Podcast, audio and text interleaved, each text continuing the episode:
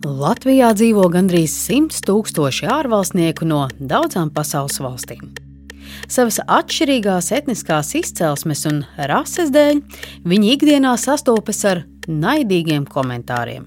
No tiem cilvēkiem, kuriem ir cita ādas krāsā, es esmu dzirdējis uh, pat šausmu stāstus. Kā viņiem uz ielas uh, uzbruk, kā viņus aizskār uh, verbāli, ka viņiem dara ļoti ceļīgus jokus, tad, kad viņi ir sabiedriskajā transportā. Ar rasistiskiem komentāriem cilvēki sastopas ne tikai uz ielas un internetā, bet arī Latvijas augstskolās. Foreign students are contributing to the economy of Latvia. Mēs ieguldām valsts ekonomikā, maksājam nodokļus un cienām valsti, bet universitātēs pret ārvalstu studentiem izrāda negatīvu attieksmi. Statistika par naida uzbrukumiem neparāda patieso ainu valstī. Ja mēs skatīsimies tikai uz oficiāliem datiem, kas ir policijā, mēs vispār neko neredzēsim. Mēs domāsim, ka mums ir paradīze ja? un, un super iekļaujoša sabiedrība cik dziļi Latvijas sabiedrībā ir iesakņojušies aizspriedumi pret cilvēkiem ar atšķirīgu etnisko izcelsmi, rasi un reliģisko piedarību, un kādā mērā mūsu sabiedrība ir atvērta šādiem cilvēkiem, to atvērto failu pusstundā pētīšu es, Linda Zalāne. Pirmā daļa - Kāpēc mums jāgaida asinis?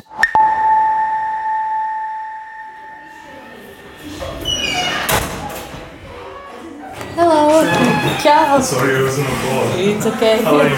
I'm fine, Linda. Kādā darba dienas pēcpusdienā Latvijas radiohēkā Doma laukumā tiekos ar Samiru. Tas nav vīrieša īstais vārds, jo viņš nevēlas to publiski atklāt. Lai pasargātu viņa identitāti, raidījumā esmu mainījusi arī viņa balsi. I'm from India. I belong to uh, southern part. Esmu no Indijas dienvidu daļas. Esmu šeit vairāk nekā piecus gadus. Latvijā ierados, lai iegūtu izglītību. Samirs pat labāk studē Latvijas Universitātē.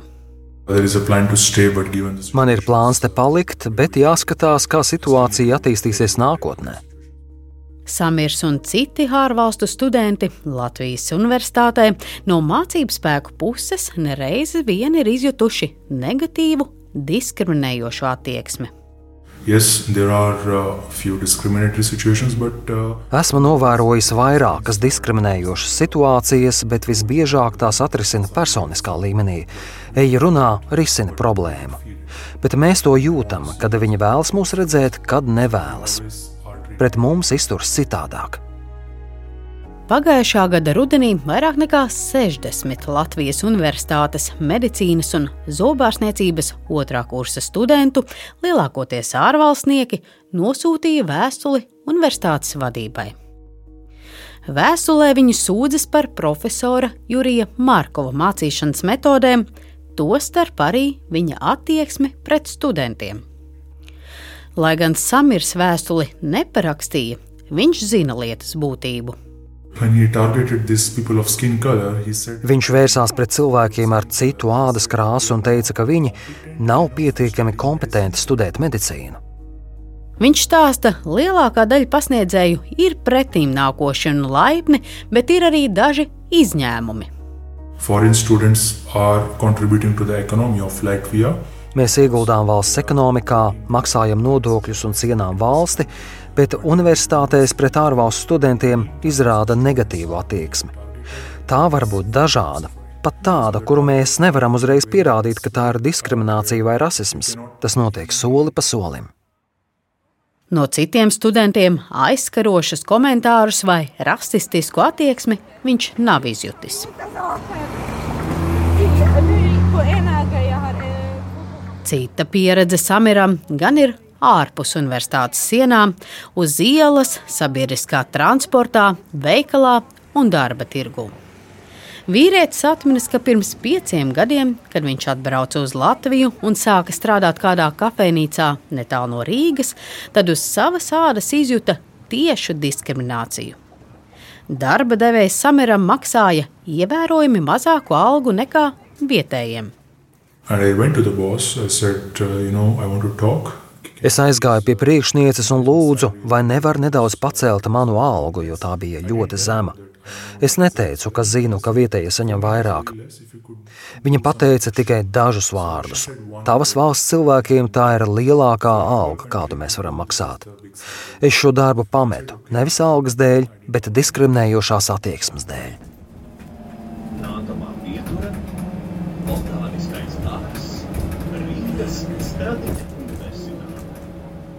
Nepatīkamus mirkļus samirs, kā arī citi indieši ikdienā piedzīvo sabiedriskajā transportā.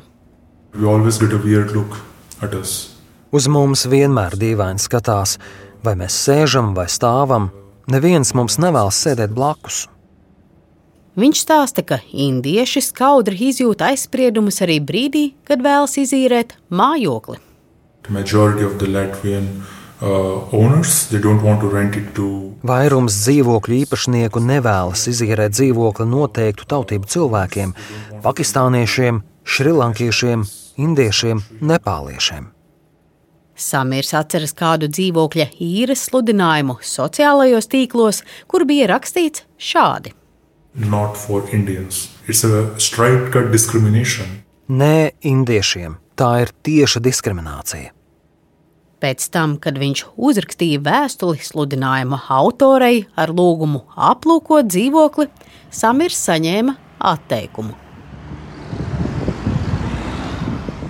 Vīrietis stāsta, ka uz ielas juties arī fiziski apdraudēts. Pirms dažiem gadiem Rīgā, iepratim autostai, 13. janvāra ielā, viņš ar draugu stāvēja sabiedriskā transporta pieturā.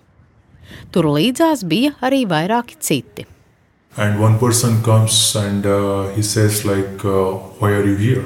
Viens no cilvēkiem pienāca pie manis un jautāja, kādēļ tu esi te? Es atbildēju, vai ir kāda problēma? Viņš teica, kādēļ tu esi šajā valstī? Šī ir mūsu valsts. Kādēļ nebrauc uz savu zemi? Viņš sāka nākt aizvien tuvāk, un es jutos fiziski apdraudēts. Cilvēks stāvēja un skatījās, neviens nedarīja neko, lai man palīdzētu. Samirs indiešu valodā palūdza draugam aizskriet pēc palīdzības. Laimīgā kārtā tūmā bija policisti. Samirs par notikušo policijā uzrakstīja arī iesniegumu, bet lieta tā arī palika uz papīra. No action was taken. Nothing. The case was just closed. Finished. Nekāda darbība nesakoja, lietu slēdza. Varbūt rodas sajūta, ka Latvijā nav diskriminācija un viss ir kārtībā, bet tā pastāv. Cilvēki tikai redzot asinis atzīst, ka tas ir rasisms. Mans jautājums ir, kādēļ? Kāpēc mums ir jāgaida asinis, kad kāds ir fiziski iespaidots, lai pateiktu, ka pastāv rasisms? Otrā daļa. Esmu dzirdējis pat šausmu stāstus. Tā ir visa mana ģimene. Man ir piecas mazas, divi brāļi. Kopā ar Dominiku Graciozo aplūkojam fotografiju viņa dzīvoklī Rīgā. Mēs esam tur, nu, tā kā manu vecāku mājās, uh, Gvatemalā, un tad, nu, tad ar visu kā, ģimenes pieaugumu tas ir kā māsas vīrs, uh, otrs māsas vīrs, brāļa sieva uh, un tie visi bērni viņam. Dominiko pirms 16 gadiem no Gvatemalas Centrālamerikā pārcēlās uz Latviju. Jā, es braucu šeit 2007. gadā, tieši pēc Jāņiem. Bija skaista diena, bija saulaina. Smaršoja pēc uh, šitām puķītēm. Tas, kas ir violeta krāsā, cēriņi. Bet es nezināju, kas tas ir. Man liekas, ka viss maršo pēc cukurā. Un kāds man teica, ka tas ir laima šokolādes fabrika.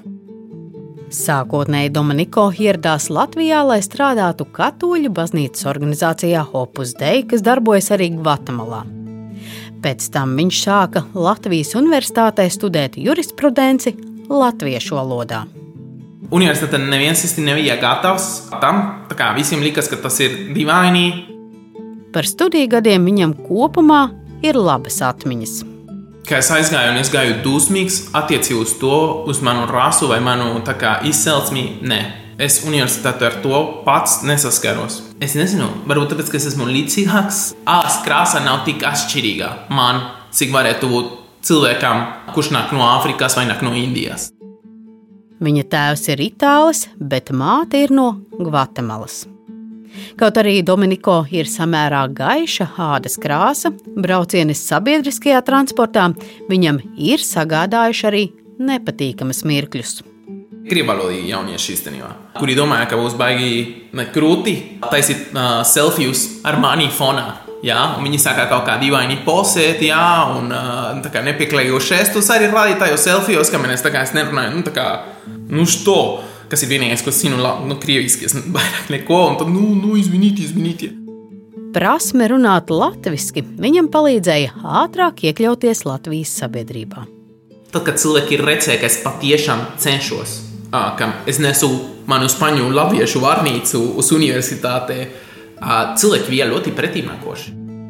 Dominiko stāsta, ka viņa iekļaušanās Latvijas sabiedrībā ir zināmā mērā viens no veiksmes stāstiem, bet ne visiem ārvalstniekiem šeit sokas tik labi. No tiem cilvēkiem, kuriem ir cita ādas krāsā, es esmu dzirdējis uh, pat šausmu stāstus. Kā viņiem uz ielas uh, uzbruk, ka viņus aizskār uh, verbāli, ka viņiem dara ļoti ceļīgus jokus, tad, kad viņi ir sabiedriskajā transportā. Esmu arī dzirdējis par cilvēkiem, kuriem bankā negrib atvērt kontu.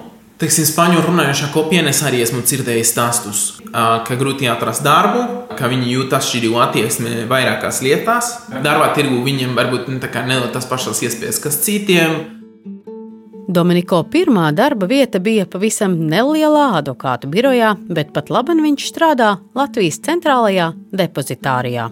Es varu mīlēt Gvatemālu arī no šejienes un strādāt Gvatemalas labā, arī no šejienes. Un nu, Gvatemala ir īpaša vieta manā sirsniņā, bet es, es arī mīlu Latviju. Nu, teksim, es, es te dzīvoju, mm, tā kā es sasaistu savu nākotni ar šo valstī.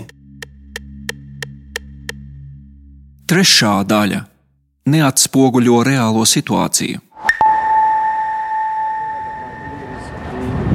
ऊपर की सब तो उसके बाद कौन 2021. gadā Pilsonības un migrācija lietu pārvalde Latvijā izsniedza pastāvīgās un termiņu uzturēšanās atļaujas gandrīz 100 tūkstošiem cilvēku no vairāk nekā 100 dažādām pasaules valstīm.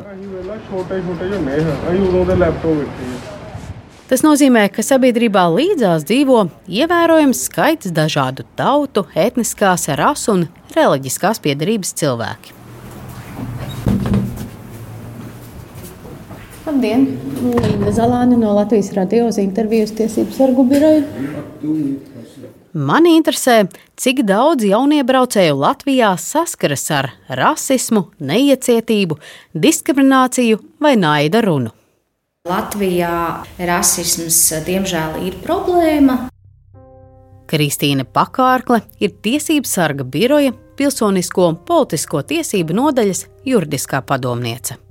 Gradācija rasismam ir ļoti plaša. Tā var būt tāda ikdienas neiecietība, stereotipi, kas ir visbiežāk. Tas jau var pāraukt tālāk diskriminācijā, kas jau daudz smagāk, un tās skalas beigās būtu naida runa, naida noziegumi.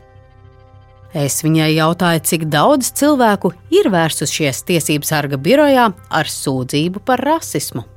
Mums eh, iesniegumi tīri par rasismu, tādā fiziskā izpausmē, par uzbrukumiem ir ļoti, ļoti maz. Ja, ir bijuši arī uh, iesniegumi par diskriminācijas gadījumiem, uh, bet tie tiešām ļoti nedaudzi.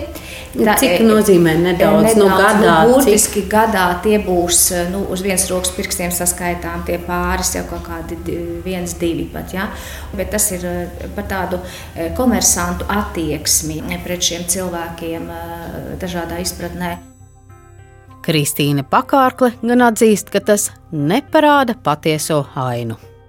Es domāju, ka tas neatspoguļo reālo situāciju. To arī pierādījuši ir dažādi pētījumi. Ja, kad ja cilvēks pēc tam, pēc kaut kāda incidenta atgadījuma, ja viņus aptaujā un prasa, uh, izvērtē šo notikumu un kāpēc viņi nav vēršies, tad bieži vien tiek secināts, ka cilvēki vienkārši pirmkārt neapzinās, ka tas varētu jau būt kaut kāds rasisma gadījums, ja?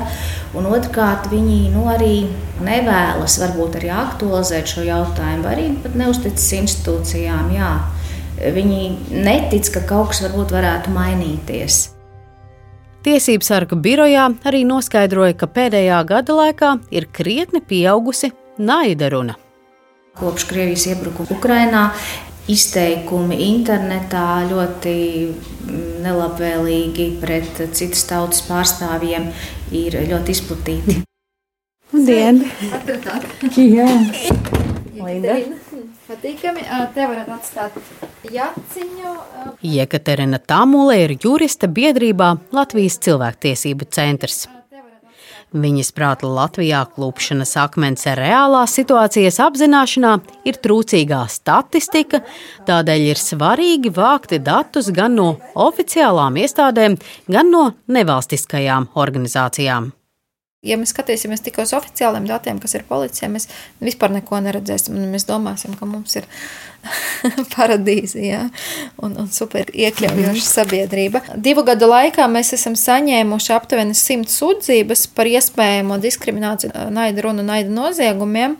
Gandrīz puse no tiem bija tieši saistība ar, ar rasi, ādas krāsu, tautību vai nacionālo piedarību. Ne visas, protams, apstiprinājušās. Viņa min dažas no pieredzes stāstiem. Nu, mums ir bijuši, piemēram, ziņots, ka uh, sāk kliegt uz ārzemniekiem. Ir bijuši gadījumi arī, kad, piemēram, musulmaņiem, musulmaņu sievietēm parauga lakatus no galvas hijabus. Vai arī um, sikhiem, kas valkā turbānus uz galvas. Uh, arī viņi ir piedzīvojuši daži, uh, ka norauj turbānus, piemēram, viņiem no galvas. Protams, visādas piezīmes apskaukšanās.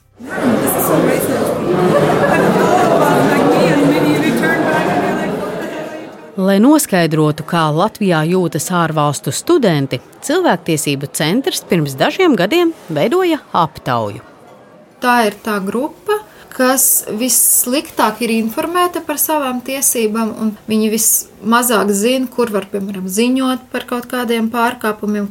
Mēs esam saņēmuši arī nu, dažādas sūdzības, bet mēs gribējām arī apzināt kopbildi. Tā nav iepriecinoša.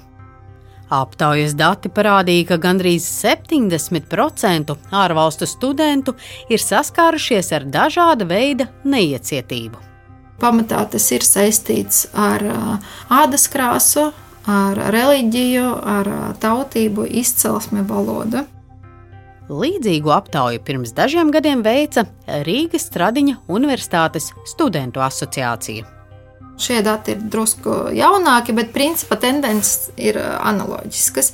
Tāpat 70% ir saskarušies ar, ar, ar neiecietības izpausmēm. Tur ir arī mm. norādīts, kur viņi saskaras. Mm -hmm. Tā ir um, augstskolas vide, mm -hmm. ārpus augstskolas. Kur tas notiek? Šīs 19. gadsimta aptaujas dati parādīja, ka 65% ar to saskarās publiskajā transportā nakts klubos, baros un citās publiskajās vietās. Bet arī universitātēs. Universitātēs 17% arī teica, ka viņi izjūta arī atšķirīgu attieksmi vai kaut kā tāda viņam bija nepatīkama pieredze arī pašā augstskolā. Jautāja, vai arī no mācību spēku puses.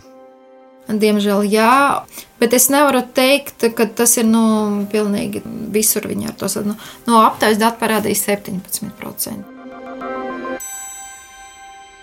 Ceturtā daļa - Sarks neadekvāti uzvedas.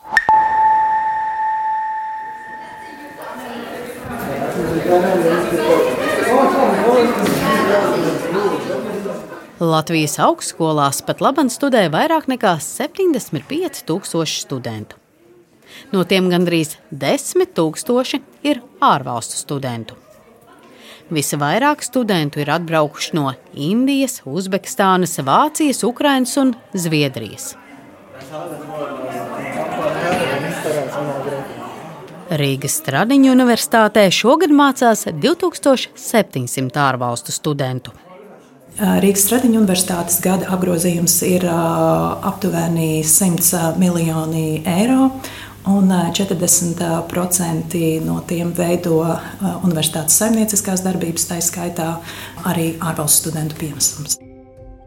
Baiva Petersone ir Rīgas Stradiņu universitātes starptautisko sakaru departamenta direktore.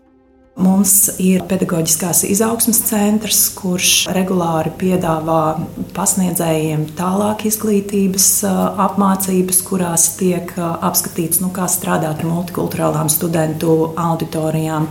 Universitāte arī jau ilgus gadus apmaksā pasniedzējiem angļu valodas kvalifikācijas celšanas kursus. Viņa stāsta, kā ārvalstu studentus iepazīstina ne tikai ar universitāti un dzīvi Latvijā, bet arī informē, kur vērsties, ja rodas kādas problēmas. Augstskolā absolūti nu, netolerē nekādu diskrimināciju pret studentiem. Ja ir kāds incidents vai kāds students ir šāda veida pieredzi nācies saskarties, tad situācija tiek izmeklēta un risināta. Bet šādas situācijas ir bijušas augstskolas iekšienē, um, piemēram, no mācību spēku puses. Uh, man konkrēti nav zināms, par to es uh, runāju arī ar kolēģiem studentu servisā, uh, bet situācijas jau ir dažādas. Tās var būt arī starp studentiem. Un tomēr iepriekš minētie Rīgas Stradiņu Universitātes studentu asociācijas aptaujas dati liecina ko citu. Gandrīz piektā daļa no ārvalstu studentiem apgalvo, ka universitātei ir saskārušies ar nepatīkamu pieredzi. Es jautāju par to Baibai Petersonai. Aptaujā nav tāda ļoti reprezentatīva, un es negribētu no tās runāt par nu, globālām, lielām tendencēm, jo aptaujā ir piedalījušies tikai 169 respondenti kas nu, ir pavisam, pavisam neliels procents no Latvijas ārvalstu studentu skaita. Tā pašā laikā, protams, katrs viens incidents ir nepieņemams un tā tam nevajadzētu būt.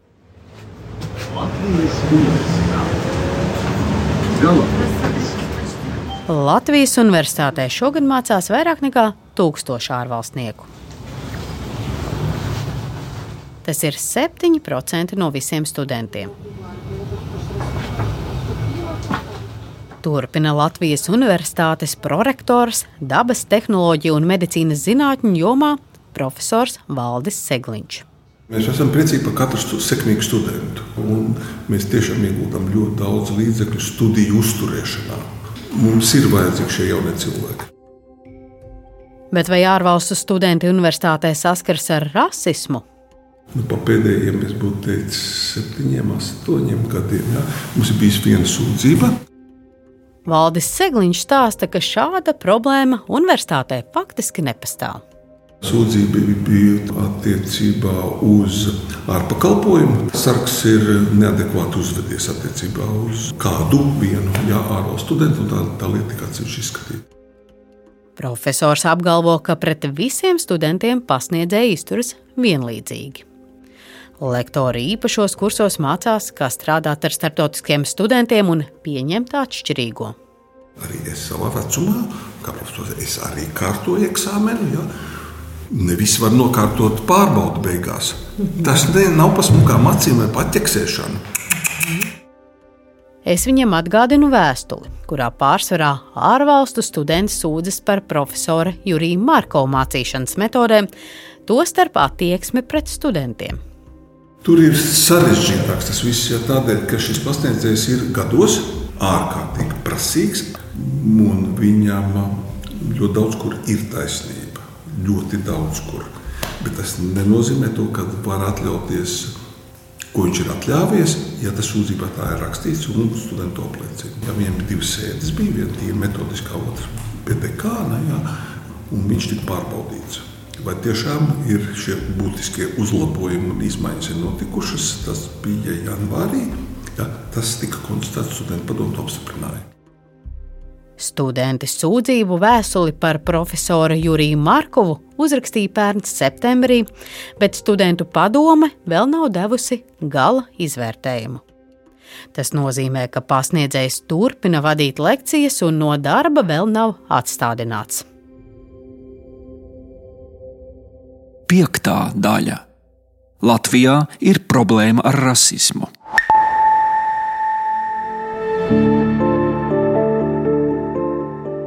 Naida runa un citas darbības, kas ir vērstas uz naida un nesaticības izraisīšanu pret visu sabiedrību kopumā, Latvijā izmeklē valsts drošības dienests. Pēdējos piecos gados tas ir sācis 32 kriminālu procesus. Gandrīz visi šie pārkāpumi ir notikuši kopš laika, kad Krievija īstenoja pilna mēroga uzbrukumu Ukrainā pērn februārī. Es jautāju par to valsts drošības dienestam, un tā pārstāvis man e-pastā atsūtīja šādu rakstisku atbildi. To ierunāja mans kolēģis. Lielākā daļa no šiem krimināla procesiem sākta saistībā ar interneta vidē publicētiem komentāriem vai video materiāliem, kuru saturs aicina uz vardarbību pret ukrāņiem vai latviešiem. Naidīgus izteikumus un diskriminācijas gadījumus, kā arī rasistiskus uzbrukumus pret atsevišķiem cilvēkiem, izmeklē policija. Valsts policija reaģē primāri 99,9% gadījumi uz visiem izsaukumiem. Inese Ratfeldere ir valsts policijas galvenās krimināla policijas pārvaldes metodiskās vadības un kontrols nodaļas priekšniece. Tālāk tikai mēs šķīrojam. Un nekāda gadījuma valsts policija nepateiks, ah, šeit ir nācies rases jautājums, zvaniet uz valsts drošības dienestu. Pēdējos trīs gados policija ir sākusi 11 procesus par naida runu pret nāciju kopumā, kas būtībā ir valsts drošības dienesta kompetence. Ratfeldere stāsta, ka iesniegumu skaits gan ir daudz lielāks.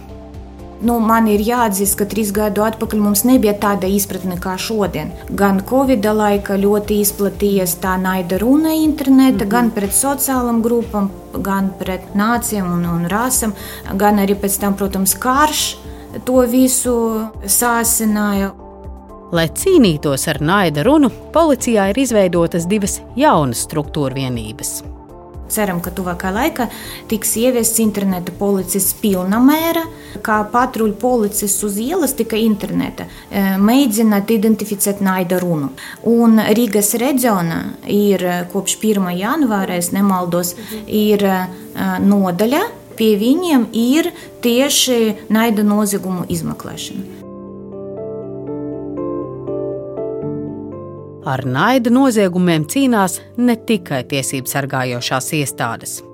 Tai pievērsušies arī politiķi pēc Eiropas komisijas aicinājuma katrai Eiropas Savienības dalību valstī izveidot nacionālo plānu cīņai ar antisemītismu un rasismu.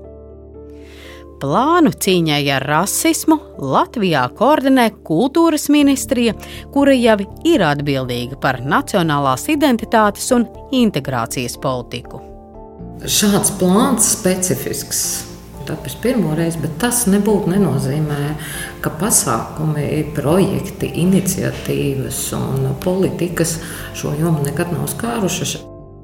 Ieļena Šaicāne ir kultūras ministrijas sabiedrības integrācijas departamenta direktore. Protams, ar vienu plānu um, būtu laikam pārdroši apgalvot, ka ar vienu plānu mēs varēsim mainīt tik vienu individu attieksmi. Jā. Pētījumi norāda, ka aptuveni tikai piekā daļa, jeb 20% būtu gatavi dzīvot kaimiņos ar jebkādas etniskas izcelsmes vai citas rases pārstāvjiem.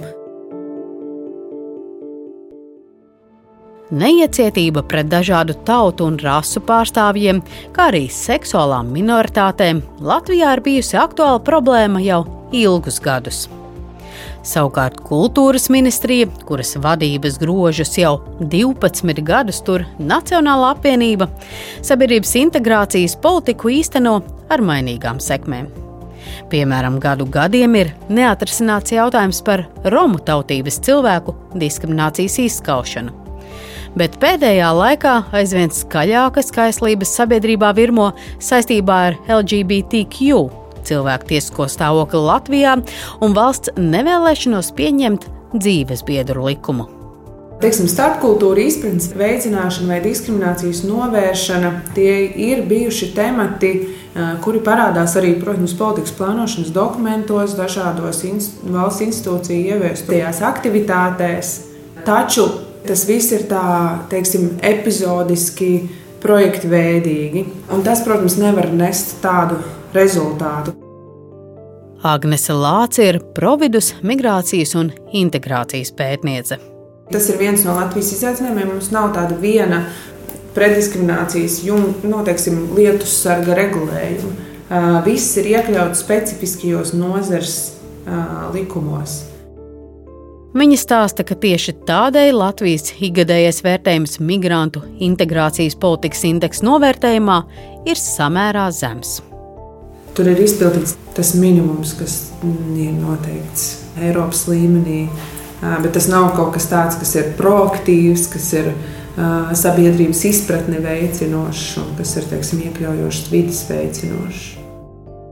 Agnese Lāce arī stāsta, ka, lai situāciju uzlabotu ilgtermiņā, atbildīgām iestādēm pašām jācenšas problēmas gan izzināt, gan arī risināt. Un arī jāsaka, ka, diemžēl, piemēram, tiesības sargs, kuram būtu liela loma šāda gan izpratnes veicināšanā, gan naida runas un naida noziegumu novēršanā, viņi skatās tikai uz tiem gadījumiem, par kuriem reāli ir paziņots. Tas varētu būt līdzīgi kā ar um, vardarbību ģimenē, cilvēki neziņo, jo sabiedrībā ir stigma par to, kurš būtu vainīgs, vai ka ir tā nostāja, kas notiek ģimenē, tas uz ārnu jāsaka. Tad cilvēki neziņo, bet tas jau nenozīmē, ka tas nenotiek. Un līdzīgi ir šajos diskriminācijas, rasisma gadījumos. Indietis Samirs uzskata, ka, lai sabiedrībā mazinātu rasismu, cilvēkiem jāstāsta par to, kas ir naida runa, rasistiska attieksme un diskriminācija. Uh, es nesaku, ka tikai Latvijā ir problēma ar rasismu. Šāda problēma ir daudzās valstīs. Kādēļ? Galvenokārt aizspriedumu dēļ. Ja cilvēkus izglīto pareizā veidā, tad to var izsināt. Arī Dominiko ir pārliecināts, ka Latvijā integrācija noritētu daudz veiksmīgāk, ja cilvēkiem mainītos attieksme pret ieceļotājiem. Viena lieta, kas man šķiet palīdzētu Latvijai vispār, ir redzēt, vai mēģināt redzēt, ka ir iespējams, ka kāds var mīlēt šo zemi un būt gatavs par viņu celties un, un mirst. Un, kā, tas nav obligāti, ka, ja kāds ir iebraucējis, tad tas ir cilvēks, kas nāk atņemt, uh, izpostīt. Raidījumu veidoja Linda Zalāne, Ģedards Ķelzis un Rēnis Budze. Atvērtie faili!